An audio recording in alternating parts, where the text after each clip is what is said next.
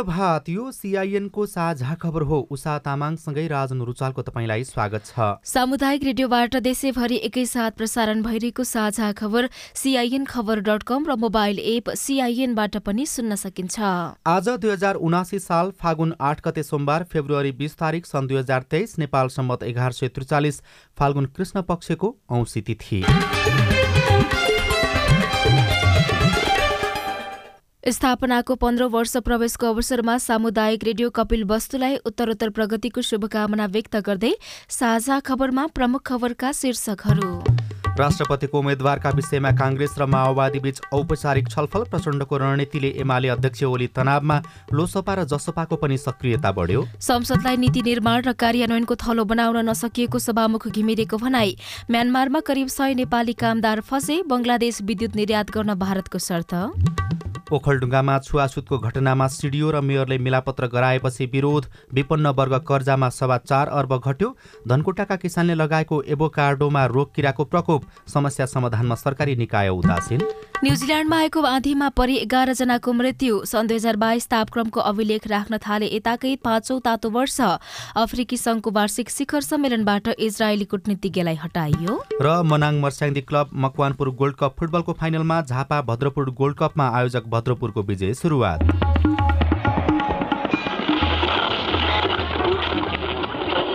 सयौं radio. हजारौं radio कर्मी। र करोडौं नेपालीको माझमा यो हो सामुदायिक सूचना नेटवर्क सिआइएन साझा खबरको सबैभन्दा सुरुमा राष्ट्रपतिको उम्मेद्वारका विषयमा काङ्ग्रेस र माओवादी बीच भएको औपचारिक छलफलको प्रसङ्ग। राष्ट्रपति निर्वाचन नजिकिँदा एमालेसँग असमझदारी बढेपछि प्रधानमन्त्री पुष्पकमल दहालले काङ्ग्रेससँग औपचारिक छलफल अघि बढाएका छन्। आइतबार राति बालुवाटारमा भएको छलफलमा काङ्ग्रेसले राष्ट्रपति निर्वाचनमा आफ्नो उम्मेद्वारलाई समर्थन गर्न माओवादीसँग औपचारिक रूपै प्रस्ताव राखेको छ। दाहालले सावधानीपूर्वक समर्थन गरेका छन्। प्रधानमन्त्री दाहाललाई भेट्न काङ्ग्रेस सभापति शेरबहादुर देउवा वरिष्ठ नेता रामचन्द्र पौडेल र कृष्ण सिटौला उपसभापति द्वय पूर्णबहादुर खड्का र धनराज गुरूङ तथा महामन्त्री गगन थापा बलुवाटार पुग्नु भएको थियो।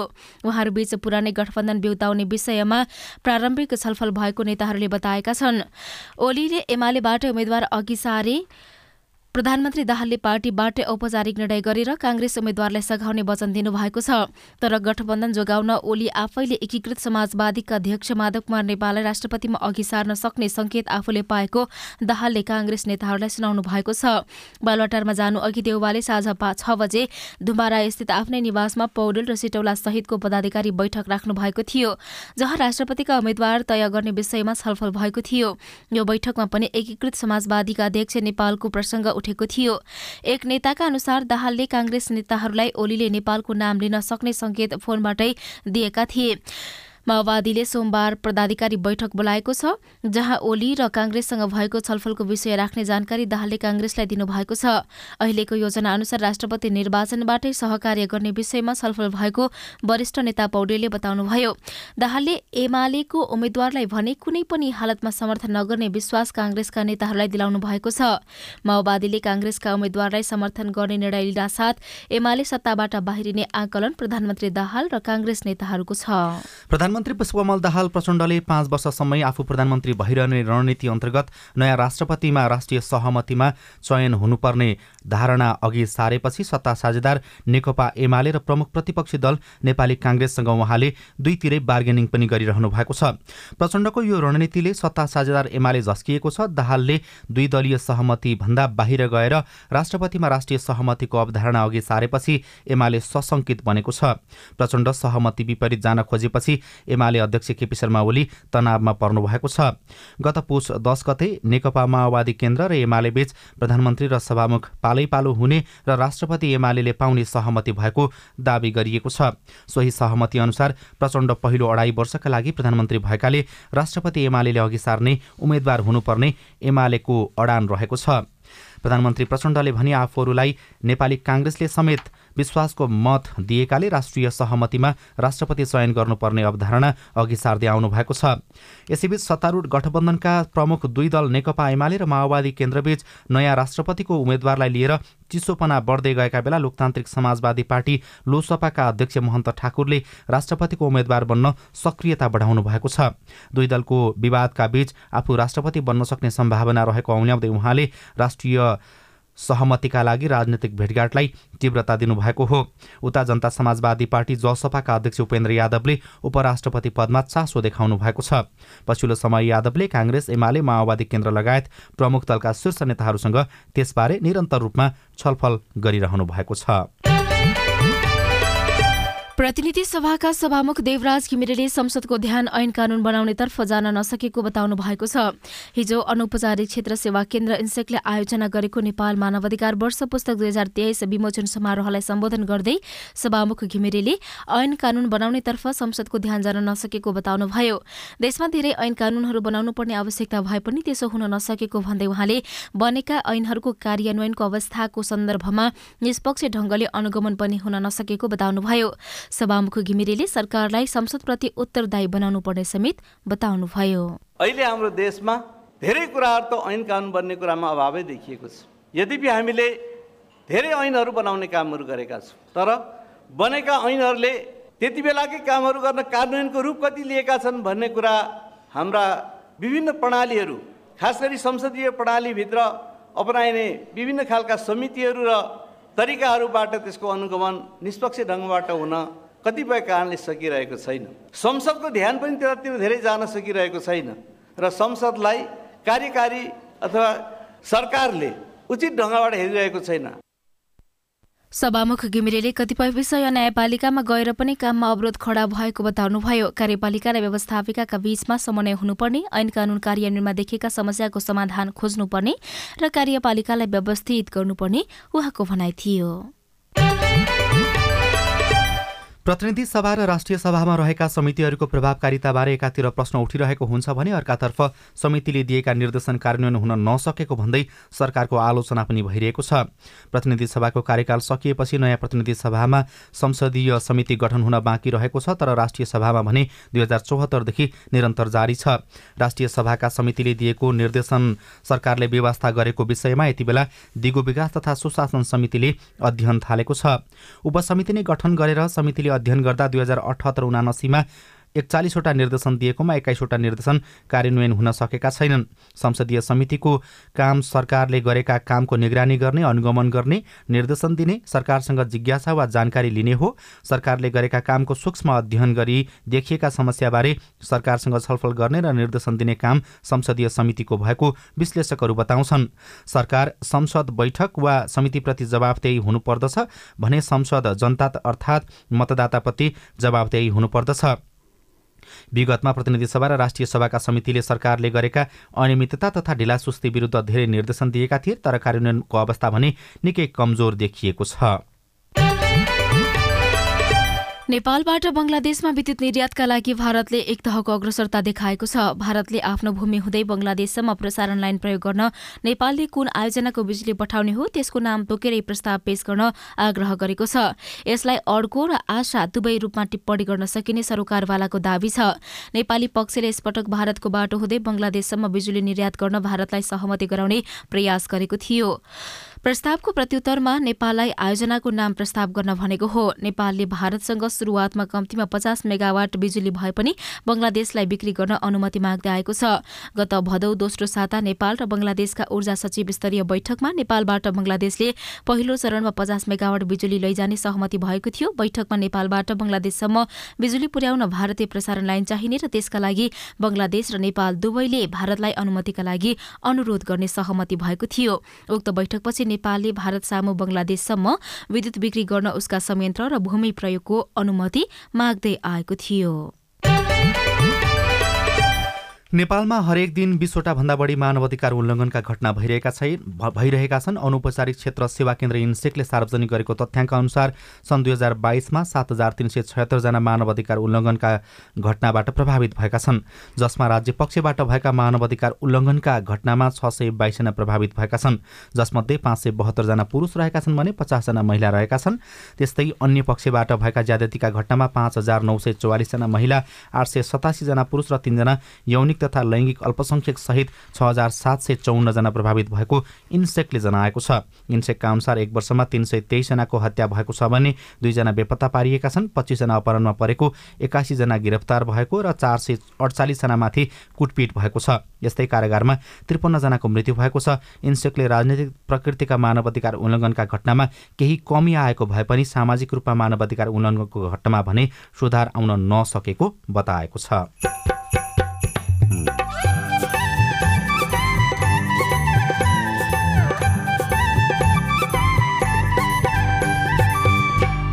सामुदायिक सूचना नेटवर्क सिआइएन मार्फत देशभरि प्रसारण भइरहेको साझा खबरमा वैदेशिक रोजगारीमा फ्री भिसा फ्री टिकट किन लागू हुन सक्दैन? भरपाई गर्ने रसिद लिने ब्याङ्किङ कारोबार गरिदिनु भयो भने मात्रै पनि उहाँलाई चाहिँ हामीले न्याय दिलाउन सक्छौँ। ओखलढुङ्गामा छुवाछुतको घटनामा सिडिओ र मेयरले मिलापत्र गराएपछि विरोध विपन्न वर्ग कर्जामा सभा चार अर्ब घट्यो लगायतका खबर बाँकी नै छन्। सिआइएनको साझा खबर सुन्दै गर्नुहोला। KP Oli cup two thousand twenty three national football championship यही फागुन एघारदेखि सत्र गतिसम्म। पहिलो पुरस्कार रु दस लाख दोस्रो पुरस्कार रु पाँच लाख बेस्ट प्लेयरले पाउनेछन् रु एक लाख बेस्ट गोलकिपरले पाउनेछन् रु पचास हजार। अनि हाइएस्ट गोल स्कोररले पाउनेछन् रु पचास हजार इमर्जिङ प्लेयरले पाउनेछन् रु पचास हजार म्यान अफ द म्याचले पाउनेछन् रु पन्ध्र हजार अनि हरेक म्याचमा विजेताले पाउनेछन् पच्चिस हजार Venue, N5 Sports Complex Football Ground. Final venue, Dasrat Stadium.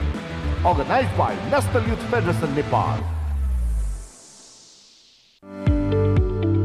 बालगृह वा संस्थाले बालगृह सञ्चालनका लागि अनुमति लिन निवेदन पेश गर्ने सम्बन्धी सूचना। बालबालिका सम्बन्धी नियमावली दुई हजार अठहत्तरको नियम बैसठीको उपनियम एघार बमोजिम हाल नेपालभर सञ्चालनमा रहेका बालगृह वा परिवारमा आधारित हेरचाह गर्ने संस्था वा अस्थायी संरक्षण सेवा केन्द्रले नियमावलीको नियम उनासाठी एक घ र नियम बैसठी तीन तथा अनुसूची एक बमोजिमको ढाँचा र कागजात संलग्न गरी राष्ट्रिय बाल अधिकार परिषदबाट अनिवार्य रूपमा सञ्चालन अनुमति लिनुपर्ने कानुनी व्यवस्था भएकाले यही फागुन मसान्तभित्र यस परिषदमा निवेदन पेश गर्नुहुन जानकारी गराइन्छ। यस सम्बन्धी थप जानकारी परिषद कार्यालयमा सम्पर्क गरी वा परिषदको website W W W dot NCRC dot G O V dot एनपीबाट लिन सकिनेछ। राष्ट्रिय बाल अधिकार परिषद श्रीमहल पुलचोक ललितपुर। सामाजिक रूपान्तरणका लागि यो हो सामुदायिक सूचना नेटवर्क सिआइएन तपाईँले देशभरिका सामुदायिक रेडियो सिआइएन खबर डट कम र मोबाइल एप सिआइएनबाट एकैसाथ साझा खबर सुन्दै हुनुहुन्छ। अब आज काठमाडौँबाट प्रकाशित पत्र पत्रिकाका खबर। नयाँ पत्रिका दैनिकको पहिलो पृष्ठमा म्यानमारमा फँसे करिब सय नेपाली कामदार। अवैध काम गर्न बाध्य पारेको भन्दै उद्धारका लागि गुहार शीर्षकमा मुना कुवर लेख्नुहुन्छ। आकर्षक तलब र सुविधाको प्रलोभनमा म्यानमार पुर्याइएका करिब सय नेपाली कामदारले अवैध काम गर्न बाध्य पारेको भन्दै उद्धारका लागि याचना गरेका छन्। सामाजिक सञ्जालको माध्यमबाट आश्वस्त पारेर लगिएका उनीहरूलाई कम्पनीले अनलाइन जुवा खेलाउन कल सेन्टरमा फ्रड गर्न र क्रिप्टो करेन्सीमा ठगी गर्न लगाउने जस्ता अवैध काममा काम बाध्य बनाएको पीड़ितको गुनासो छ। दैनिक बाह्र तेह्र घण्टा काममा लगाएर पारिश्रमिक समेत नदिएको कम्पनीले राहदानी पनि जफत गरेको भन्दै कामदारले म्यानमार स्थित नेपाली दूतावाससँग गुहार मागेका छन्। केइन प्रदेश स्थित म्याउडी भन्ने स्थानबाट नेपाली कामदारले उद्धार गरिदिन सम्पर्क गरेको म्यानमार स्थित नेपाली दूतावासका नियोग प्रमुख गंगा सुन्दास दासले बताउनुभयो। उहाँका अनुसार गत उन्तिस नोभेम्बरमा पहिलो पटक बीसजनाले आफूहरूलाई अवैध काममा लगाइएको भन्दै उद्धार गरिदिन सम्पर्क गरेका थिए। पीड़ितले आफ्नो समूहको पासपोर्ट डिटेल सहित दूतावासमा सम्पर्क गरेका थिए त्यस्तै दोस्रो पटक पनि बीसजनाको समूहले सम्पर्क गरेको उहाँले बताउनुभयो। कान्तिपुर दैनिकको पहिलो पृष्ठमा छुवाछुतमा सिडिओ र मेयरले गराए मिलापत्र शीर्षकमा ओखलढुङ्गाबाट कुम्भराज राईले लेख्नु भएको खबर छापिएको छ। छुवाछुतको घटनामा कानून विपरीत मिलापत्र गराएर प्रहरी प्रशासन र पालिका प्रमुखले दोषीलाई उन्मुक्ति दिएका छन्। सिद्धिचरण नगरपालिका चार रुम्जाज टारमा शनिबार दलित समुदायलाई शिव मन्दिर प्रवेश गर्न नदिएको घटना प्रमुख जिल्ला अधिकारी प्रदर्शनी कुमारी नगर प्रमुख तेजेन खनाल डिएसपी दीपक बहादुर केसी वडाध्यक्ष रत्नबहादुर गुरुङ लगायतले मिलापत्र गराएका हुन्।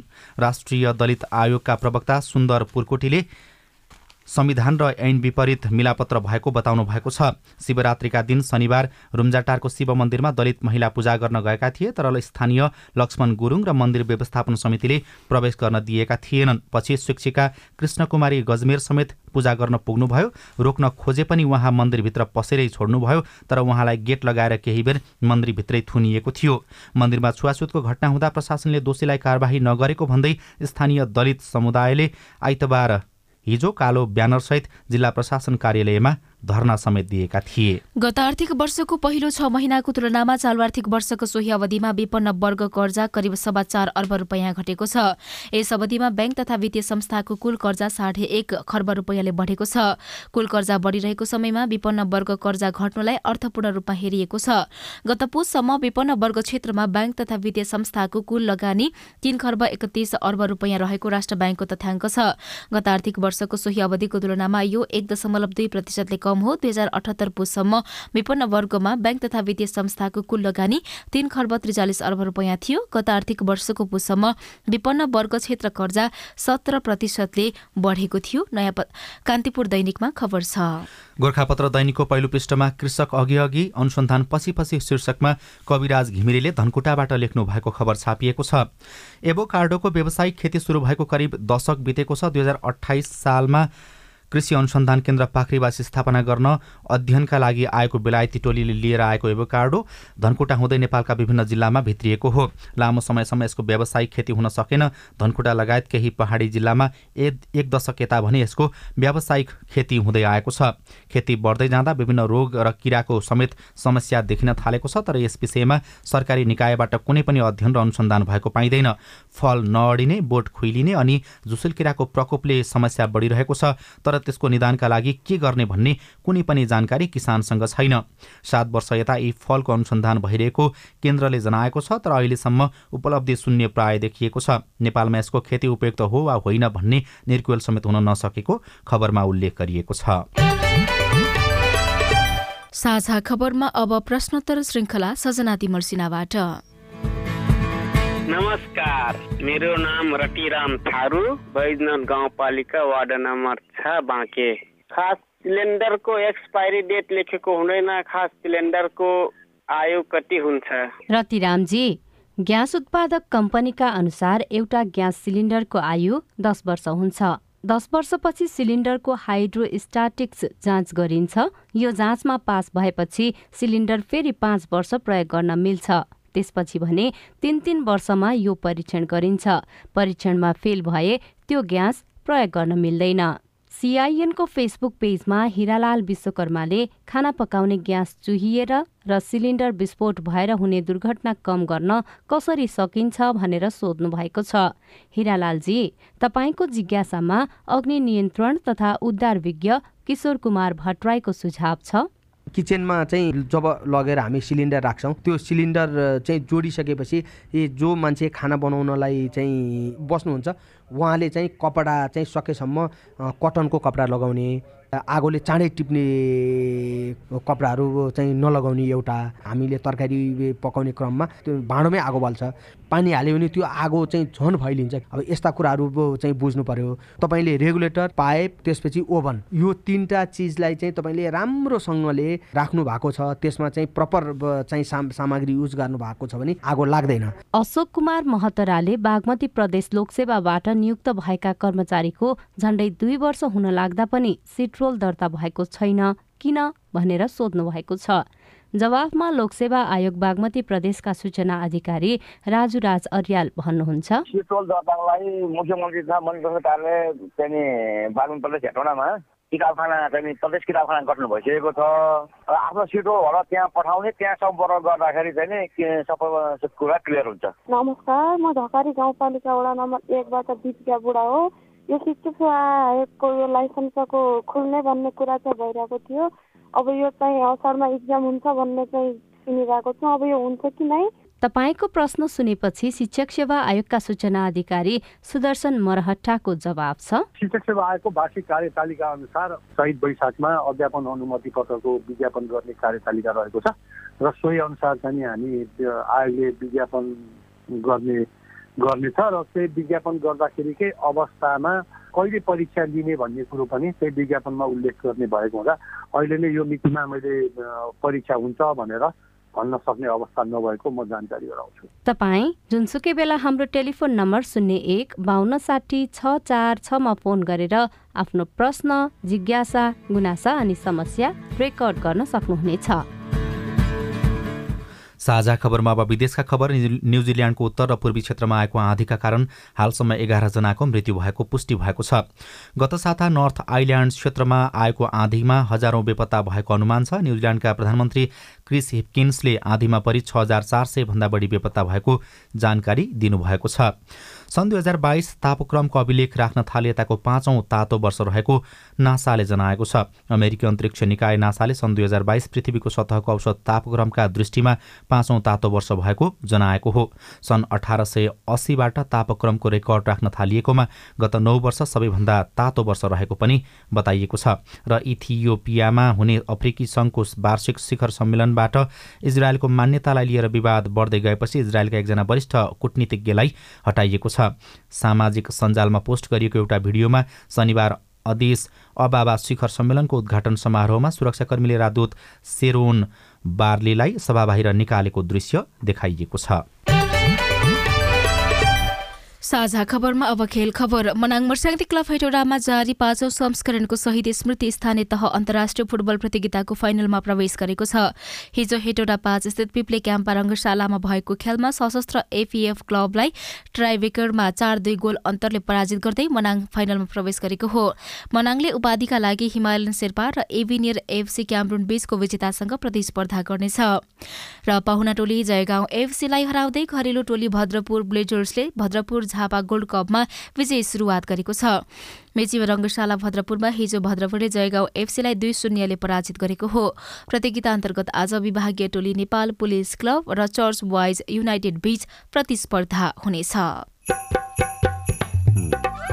वैदेशिक रोजगारीमा फ्री भिसा फ्री टिकट लागू नहुनुको कारण रेडियो कुराकानी अरू खबर र कार्टुन पनि बाँकी नै छ। सिआइएनको साझा खबर सुन्दै गर्नुहोला। जलवायु परिवर्तनले मानव जीवन र प्राकृतिक प्रणालीमा विश्वव्यापी प्रभाव पारेको छ। आगामी दिनमा यो क्रम अझै बढ्दै जाने अनुमान गरिएको छ। तिम्रो किताबमा पनि जलवायु सम्बन्धी पाठ रहेछ नि होइन विना छ नि।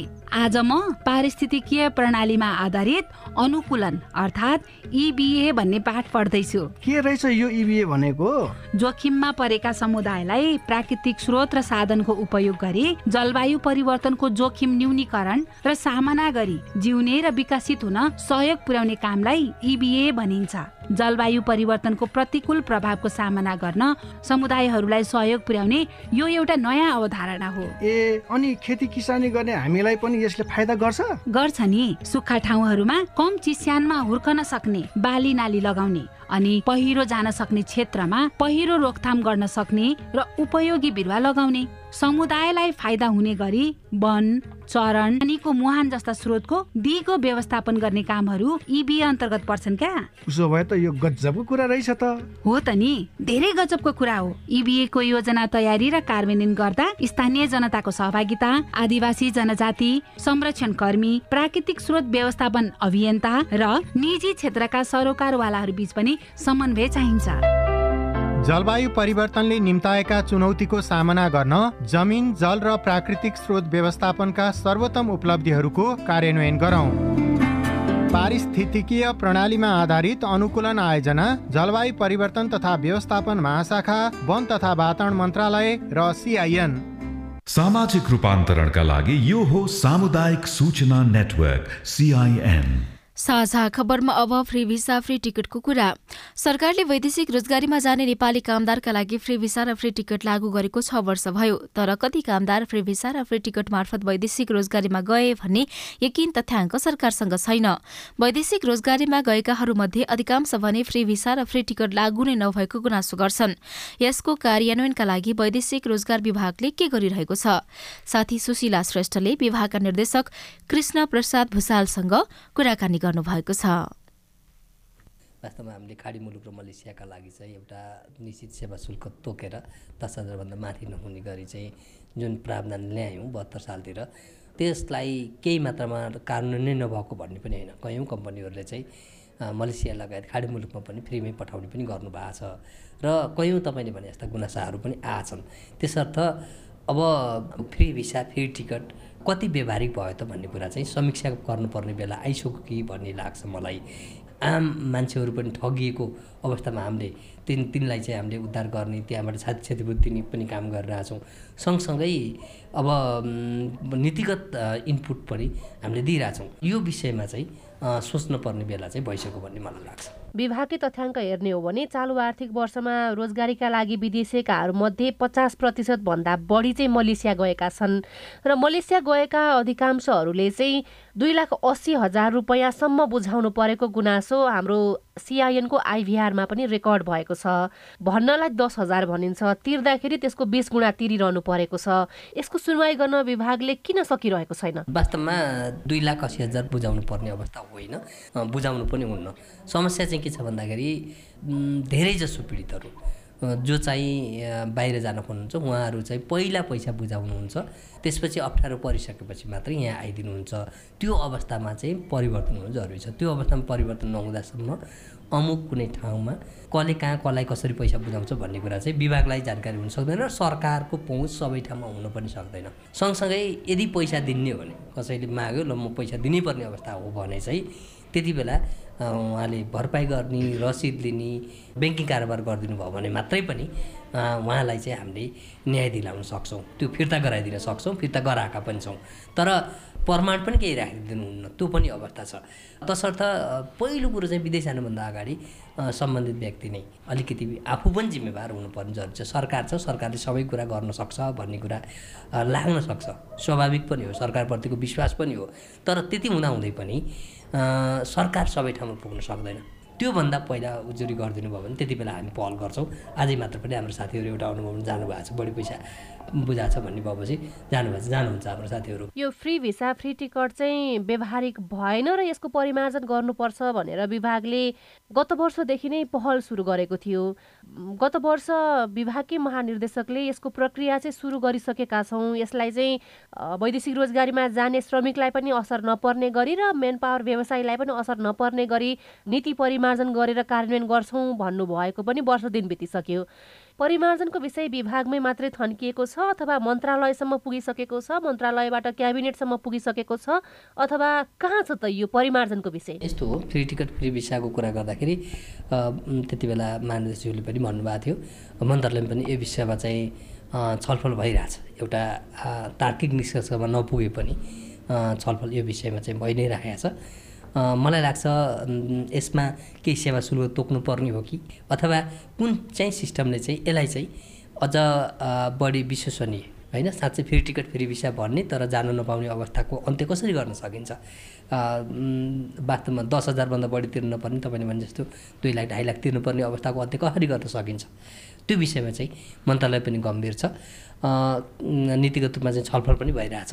अब नीतिगत निर्णय नहुँदासम्म त्यो छलफलकै क्रममा रहेको हुनाले त्यस विषयमा धेरै बोल्न सक्ने अवस्था चाहिँ भएन। कुराकानीसँगै हामी साझा खबरको अन्त्यमा आइपुगेका छौँ। सामुदायिक रेडियो प्रसारक सङ्घद्वारा सञ्चालित सिआइएनको बिहान छ बजेको साझा खबर सक्नु अघि मुख्य मुख्य खबर फेरि एकपटक। राष्ट्रपतिको उम्मेद्वारका विषयमा काङ्ग्रेस र माओवादी बीच औपचारिक छलफल प्रचण्डको रणनीतिले एमाले अध्यक्ष ओली तनावमा लोसपा र जसपाको पनि सक्रियता बढ्यो।